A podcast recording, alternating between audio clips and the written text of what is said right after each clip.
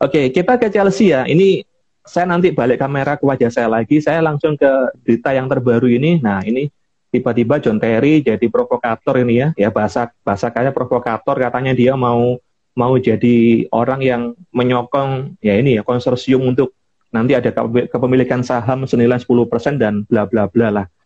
Kalau dari sinilah kemudian kita tarik kepada perbincangan kita Mas Surya, Mas Nomo sama Mas Edwin.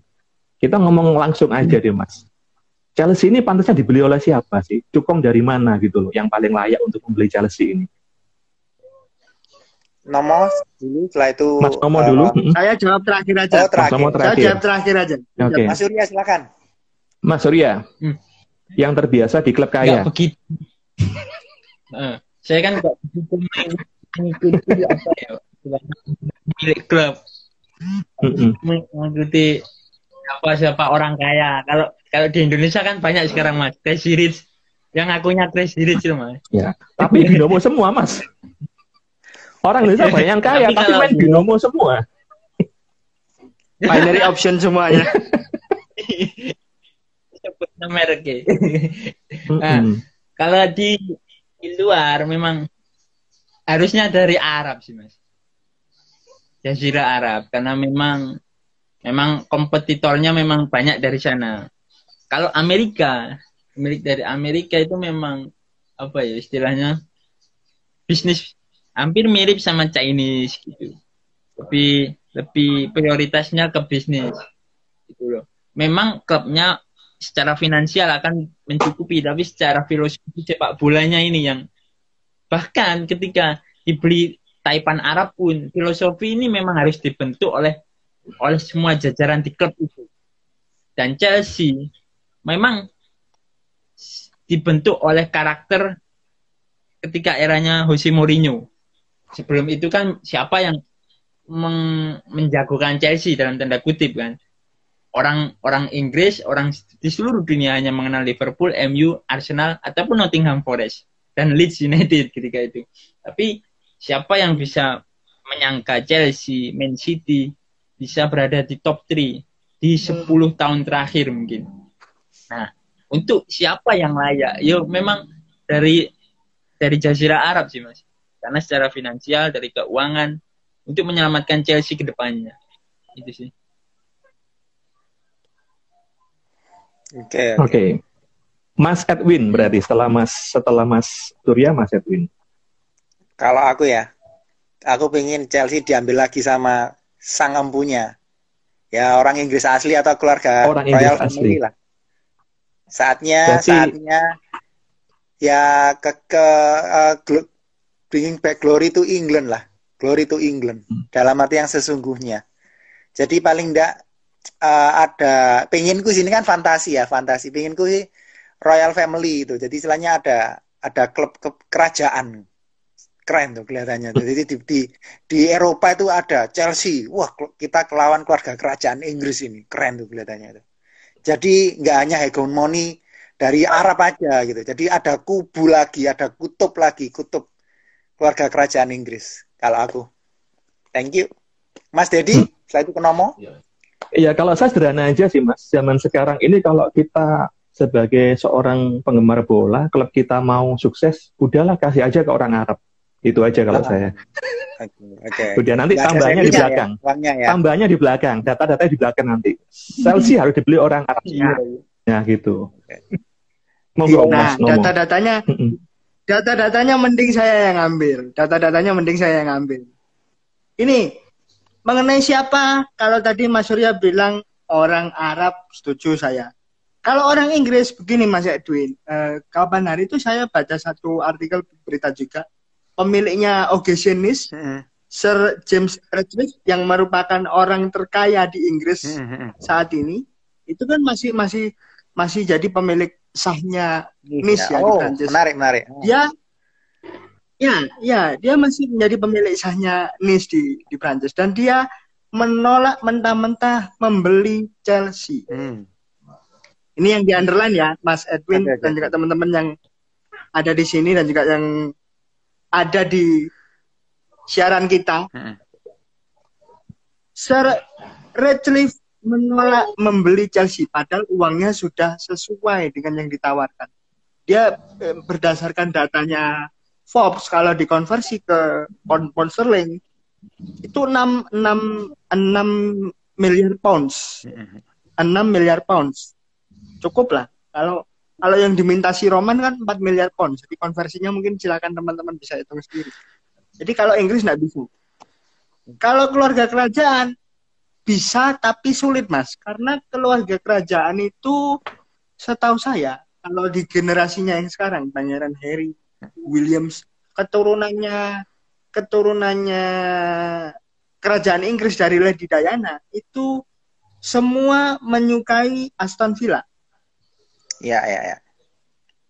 Truly fans of Aston Villa. Jadi eh, ketika Aston Villa main terutama di event-event seperti FA Cup Grand Final misalnya ada keluarga kerajaan di situ. Minimal Pangeran Williams. Ya, minimal Pangeran Williams. Harus dari Arab. Why? Satu, karena Arab se secara ekonomi keuangan lebih mapan, lebih punya lebih punya kapasitas untuk ngambil sebuah klub bola. Newcastle sudah sudah dibuktikan diambil sama orang Arab. Kemudian harus ada lagi minimal apa? ini sebagai bentuk ekspansi juga. Bentuk ekspansi juga. Mas Dedi pernah menyinggung beberapa waktu lalu pada saat kita ketemu bahwa dalam lima tahun ke depan ya secara potensi ekonomi Arab hmm. menjadi yang paling besar mengalahkan Bahrain dan juga Qatar. Iya. Ini bisa jadi peluang Mas apalagi Arab Saudi kan punya punya program namanya Saudi Vision 2030. Sektor olahraga terutama sepak bola itu menjadi sebuah tempat yang cukup menjanjikan kalau dijadikan promosi. Karena olahraga besar lainnya seperti seperti Formula One itu sudah sudah dijajaki oleh skuadnya Saudi Arabia lewat pemerintahnya dan juga perusahaan minyak terbesar waktu itu Aramco jadi ya, sponsornya. Ya, ya. Nah, kenapa sepak bola kenapa sepak bola tidak di intip padahal ini punya peluang. Kalau mengambil Newcastle yang mohon maaf kelasnya mediocre ke bawah saja bisa, apalagi ini. Dan memang gayung bersambut ada sebuah raksasa media, salah satu key people raksasa media di Arab Saudi. Saya nggak sebut namanya ya, nggak sebut namanya, nggak sebut medianya karena memang dia merahasiakan ini. Itu mencoba untuk take over Chelsea dan tawaran yang dia ajukan adalah ketika saya bisa membeli klub ini, seusai Roman Abramovich, saya jamin pemain-pemain besar di klub ini saya perpanjang kontraknya semua. Termasuk Romelu Lukaku. Kuncinya di sini Mas, eh, Mas, Mas Surya, Mas Edwin. Okay. Jadi lebih baik orang Arab. Yeah. Karena secara uang mereka ada, dan ini juga bisa jadi peluang untuk promotion promotion program mereka karena apa kalau misalnya Saudi Vision ini nanti 2030 dirilis dan sekarang Chelsea dibeli oleh orang Saudi Arabia setidaknya nanti ada beberapa pemain muda potensial dari Saudi Arabia dipromosikan bukan dipromosikan ya di disekolahkan dalam tanda kutip disekolahkan ke Chelsea boleh boleh karena program ini juga sudah sudah diterapkan pada saat mereka menyekolahkan pemain-pemain mereka seperti Salim Al Dausari hmm. yang sekarang ada di Al Hilal itu ke Villarreal. Oke oke oke oke. Soalnya itu Mas Mas Soalnya kalau aku lihat sedikit nambahin ya, kalau aku lihat tuh nggak entah gimana ya. Aku lihat Chelsea itu bayanginnya tuh kayak klub ini elit banget gitu loh. Jadi kak istilahnya ya mah bukannya aku suka Arsenal, tapi kalau dari segi image, dari segi aura ya, Chelsea itu di atas kelihatannya dari dari tim-tim tim-tim yang lain gitu loh. Makanya aku merasa ya ini kan lagi ini kan fantasi ya kalau dibeli sama keluarga kerajaan Inggris itu keren banget. Soalnya aku pernah baca artikel kekayaannya keluarga Inggris itu uh, total ya itu hampir sekitar 100 miliar 100 miliar dolar Amerika loh. Itu dalam bentuk aset ya.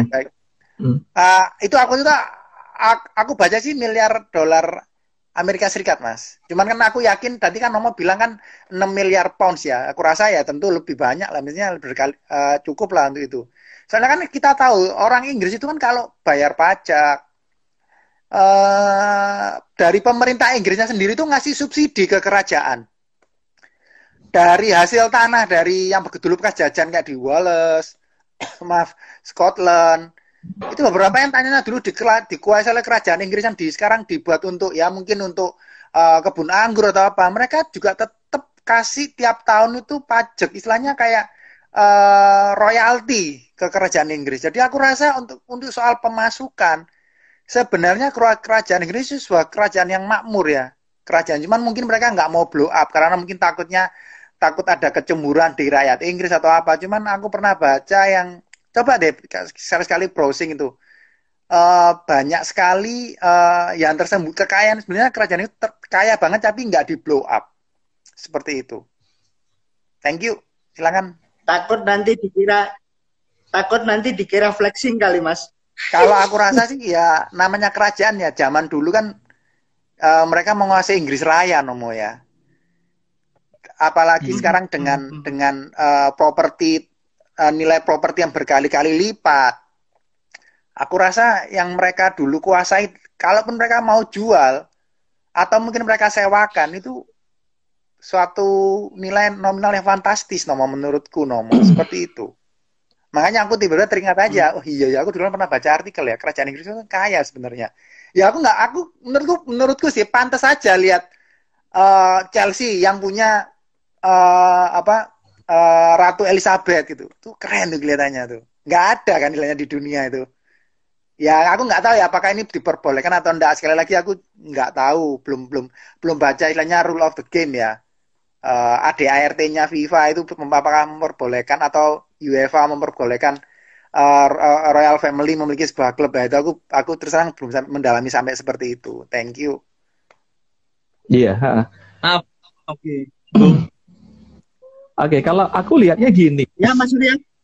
Mas. Bentar, bentar. Mm -hmm. Mas Surya. Tanggapannya Mas Edwin, ini agak gue. Kalau di Inggris, kalau di Inggris Mas Edwin menanyakan apakah bisa Royal Family, kalau di Indonesia ada Mas. Siapa? Mm -hmm. oh, ya, ya, ya. Iya. Klub yang pernah menawar Harry Kane. Yes, gitu aja tunjuknya. ya. Ya Mas Dad, ini ini unik ya. Apa yang tadi dijelasin sama Mas Edwin, kemudian pendapatnya Mas Surya juga hmm. setuju dengan Arab gitu juga Mas Dedi. Tapi dengan lossnya nama seorang Abramovich di Chelsea sebagai owner setelah hampir 20 tahun bersama, banyak gelar. Mungkinkah di masa-masa berikutnya kalau Chelsea nggak dapat owner baru dalam ya kira-kira 5-6 bulan ke depan akan kehilangan branding name-nya secara marketing ya, secara ekonomi marketingnya apakah potensi akan kehilangan loss branding name? Ke siapa nih? Mas Dedi. Oh saya. Mas Dedi aja. Mas Dedi. Uh, gini Mas ya, sebetulnya saya ke akarnya dulu ya, ke akarnya dulu supaya teman-teman yang juga join ini juga nanti paling nggak dapat hmm. dapat insight baru sebetulnya Inggris itu nggak boleh lata seperti itu, ya gitu loh. Kalaupun Inggris harus mengucilkan orang-orang yang berbau Rusia itu ya, itu nggak boleh secepat itu. Paling nggak ditunggulah kontrak pemain aja sampai 30 Juni. Ya nggak apa-apa, atau sebetulnya Chelsea itu dimiliki Abramovich sampai dengan 30 Juni gitu. Dengan demikian transisi berjalan dengan smooth. Ini kan terkesan panik sekali gitu loh dan kelihatan latah gitu loh. Ini kan kelihatan western banget gitu loh. Inggris kelihatan aku bu aku wesen banget nih. Aku di sini yang berkuasa gini. Ya dampaknya seperti ini. Karena sebetulnya sikap Inggris ini kan bersentuhan dengan aset yang dimiliki sendiri oleh negara itu yaitu Chelsea gitu loh. Jadi sebetulnya saya nggak serak ketika tiba-tiba Inggris berbagai macam parlemennya mengecam terus Abramovich langsung meletakkan ini gitu. Akhirnya apa ya? Klub ini sebetulnya terlepas seorang Gunners yang juga nggak seneng Chelsea udah UCL duluan dua kali lagi gitu ya. Tapi nggak kayak gini caranya gitu loh. Harus smooth. Kasih deadline sampai 30 Juni, lalu kemudian take over berlangsung gitu loh. Jadi Kalau perkara branding, Mas, Chelsea masih punya branding kok. Yaitu Chelsea itu sebetulnya ya katakanlah sekarang pun kacau. Mereka itu udah jalan semua lah secara secara ini produk bisnis karena memang ini juga sudah bukan klub baru gitu loh. Sudah lama gitu. Bahkan nah ini yang tadi dari Mas Edwin, saya mau angkat juga supaya juga beberapa The Blues ini supaya juga paham juga gitu ya bahwa sebetulnya Chelsea ini sudah sudah seksi sebelum Abramovich itu uh, take over gitu loh. Karena banyak yang yang yang yang jadi fan Chelsea itu setelah Abramovich masuk gitu loh. Padahal ketika IPL dapat musim ke kedua ketiga, Chelsea yang mengawali eksodus pemain-pemain dari Eropa luar Inggris yang hijrah ke Chelsea gitu loh. Jadi yeah. ketika musim 94 95 itu kan udah mulai kan uh, si Gianluca Vialli ke Chelsea, Sola yeah. ke Chelsea, terus habis itu juga Raul Gullit itu. Di situlah Chelsea bahkan Magius itu ketika diputus kontrak sama juga pindahnya ke Chelsea kan. Chelsea udah betul-betul mega bintang banget, bukan mega bintang, belum mega bintang, tapi kosmopolitan julukannya waktu itu karena yes. pemainnya itu ada ada potensi untuk jadi besar. Iya, klubnya pemainnya itu dari dari dari luar Inggris semua.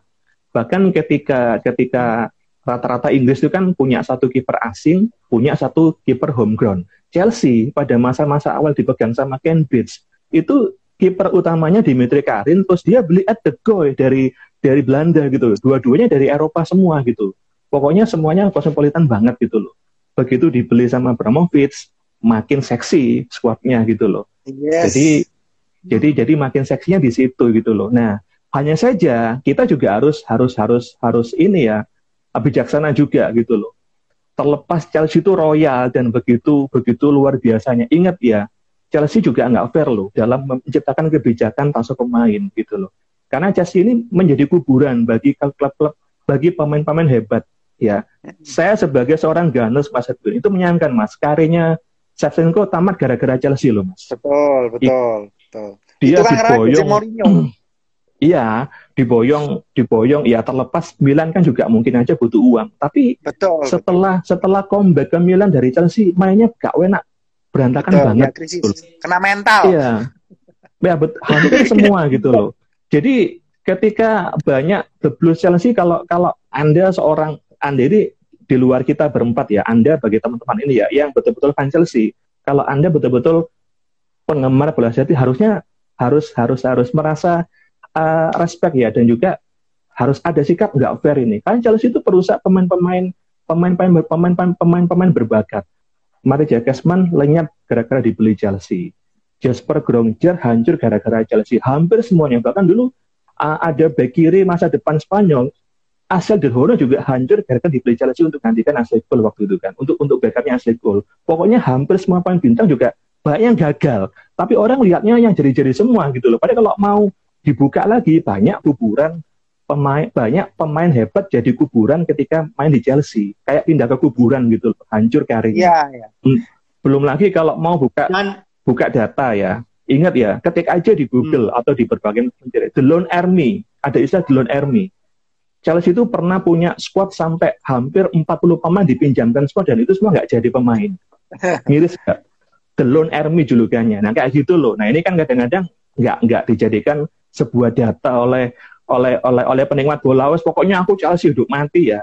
Jadinya kayak gini. Jadi ya ini jangan sampai terulang ketika nanti dibeli sama investor dari Saudi yang kita sepakati harus dari orang Arab yang yang membelinya itu tadi. Hmm. dan jangan lupa mas kalau soal pemain yang karirnya meredup gara-gara Chelsea kita tarik yang baru-baru aja deh Nama seperti Mo Salah sebelum diselamatkan Roma dan akhirnya bersinar di Liverpool, dia mati juga gara-gara Chelsea. Torres, Torres. De Bruyne. Torres. Cuadrado juga sama.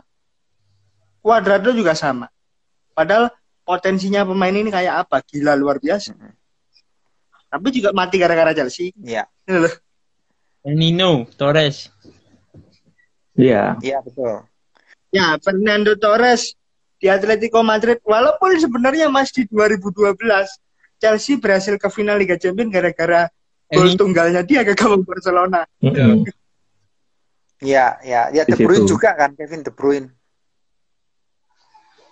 Ah iya, ya Kevin De Bruyne. Kemudian ini mas ada nama kalau kita balik lagi ke materi di segmen awal tadi masalah health mentality, Julian Eh bukan Julian Drexler. Julian Drexler kan? Brand. Sebelum ke ini. Julian Brand atau Drexler? Eh. Banyak mas, pokoknya Sebelum banyak nah, itu loh. Delon, ya, Delon arminya itu aja loh. Ya itu tadi kan, mereka dibeli untuk dikasih mimpi tapi ternyata nggak dimainkan. Ada nama Lukas Piason, kayak gitu-gitu kan. Oh, hampir banyak lah kayak itu. Ya. Hampir semuanya gitu. Itu ya, itu itu ya, itu yang itu. yang banyak tidak disorot orang gitu loh. Hmm. Oke, okay, Lukas Piazon itu dulu dicap sebagai the next-nya Deko sebenarnya, Deko Sosa. Tapi ya tidak jadi juga. Oke. Okay. Mas Surya mau nambahin? Itu Victor Moses. Ya, Victor Moses. Oh ya, Victor Moses. Oke. Okay. Terus ada ini Mas, ada pemain yang dari seri apa dari Chelsea juga akhirnya dipindah sempat bikin gol spektakuler juga. Ya Alexander Davide Alexander Pato juga di situ. Padahal dulu di Milan seperti apa gitu kan, ya gitu. Jadi ya itu tadi ya. Pada akhirnya ya. juga memang ya itu tadi. Saya juga bahkan secara tegas nggak mendukung itu Chelsea itu dipegang oleh Inggris. Orang Inggris itu kacau gitu loh. Mereka itu pinter orang Inggris tuh pinter menciptakan liga, Mas. Tapi kalau kalau untuk investasi bola, untuk pegang klub bola juga, ya, ya tahu sendiri lah. Jadi apa sih klub-klub besar itu kan? MU ya, ya. sekarang juga udah ke tangannya Glazer, Liverpool juga udah ke Fenway gitu, Chelsea Abramovich gitu. Inggris nggak ada gitu loh. Bahkan kalau kita lihat dulu ada nama Jack Walker di Blackburn juga tahu sendiri kan, begitu mereka juara itu ya udah tenggelam, tenggelam, sempat dibeli sama orang dia juga ya gitu-gitu aja gitu, nggak nggak berkembang gitu loh. Jadi ya ya nah gini harus orang Saudi Mas, memang. Kalau bicara hmm, kalau bicara Chelsea dan juga pengaruhnya terhadap bola ya gara-gara invasion Rusia ke Ukraine ya kita berharap semuanya berakhir damai lah ya selesai di sini. Tapi kalau boleh jujur Mas, kita bergeser sedikit nih ke persiapan menuju kualifikasi Piala Dunia. Ada yang playoff kita. Sepakat nggak sih kalau kalau saya boleh bilang bahwa hukuman yang dijatuhkan terhadap Russia Football Union RFU itu sebenarnya adalah hukuman yang nggak adil. adil. Karena belum tentu loh kita kita kita merasa bahwa oke okay, ada pemain Rusia sendiri bahkan nggak setuju dengan kebijakan invasionnya Mr. Putin gitu. Kok tiba-tiba dihukum sekeras itu? Karena nggak semua pemain Rusia setuju dengan ini. Bahkan ada yang terang-terangan saya takut akan peperangan, saya benci peperangan. Tapi saya tetap bangga jadi orang Rusia. Jadi kan ada yang terang-terangan secara nyata pemain Rusia sendiri bahkan warganya memprotes kebijakan ini gitu loh. Ini kalau menurut kalian gimana? Adil nggak sih? Ada rasa fair nggak sih hukuman ini untuk Rusia? Kalau saya langsung sikap saya nggak setuju, Mas. Nggak fair.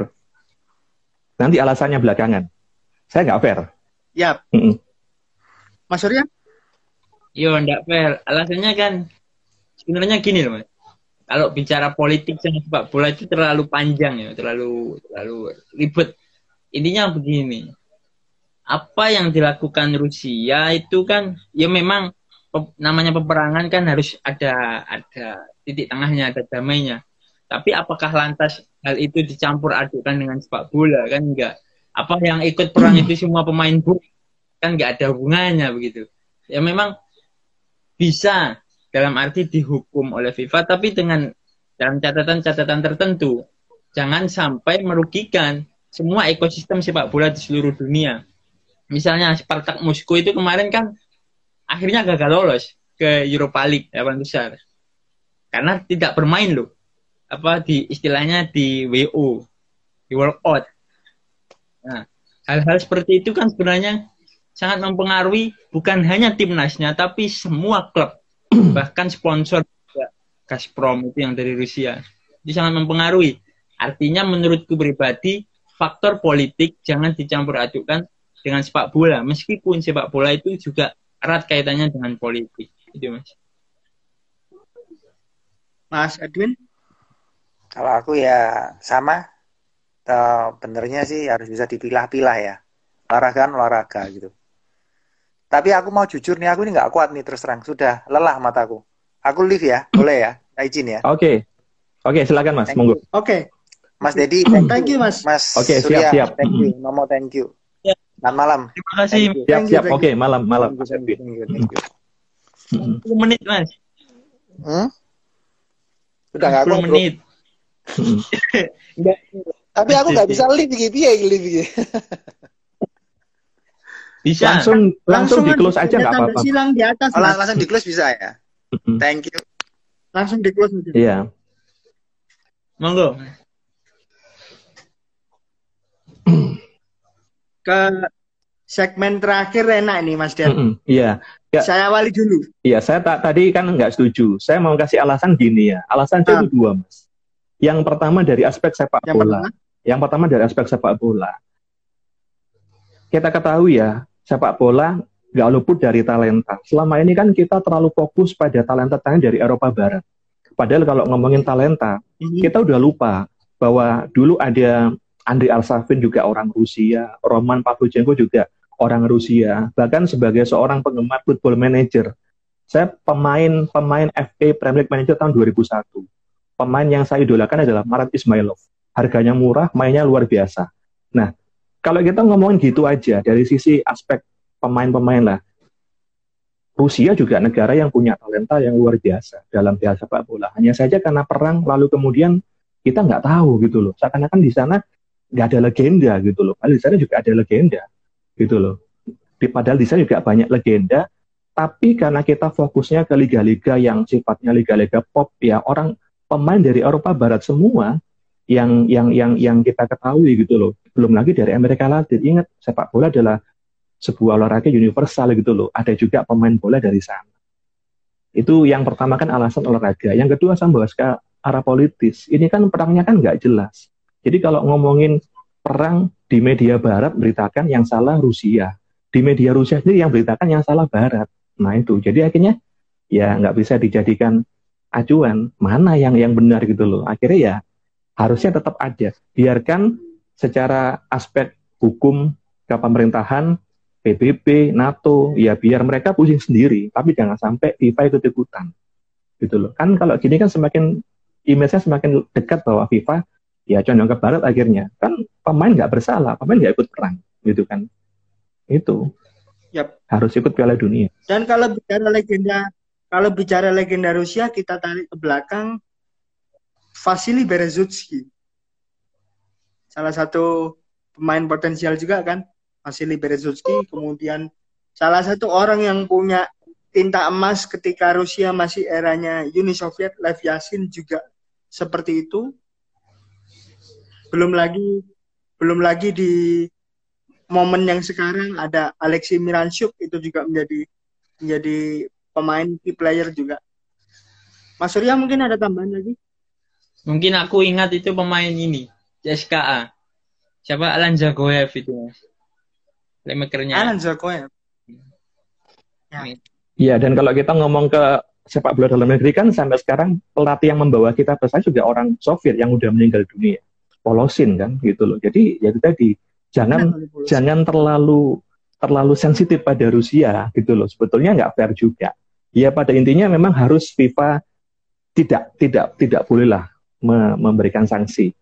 Nggak ada hubungannya sepak bola dengan politis. Dalam hal ini kita bertiga sepakat bahwa kebijakannya Mr. Putin kita nggak setuju menyerang Ukraine, tapi yeah. kita juga harus nggak boleh menutup mata FIFA juga nggak nggak boleh bersikap nggak adil seperti itu. Iya. Karena ini impactnya yang terbaru persiapan Rusia sendiri ketika playoff ketemu ketemu di playoff Piala Dunia zona Eropa mungkin Mas Jadi bisa bantu cek ya untuk jadwalnya playoff.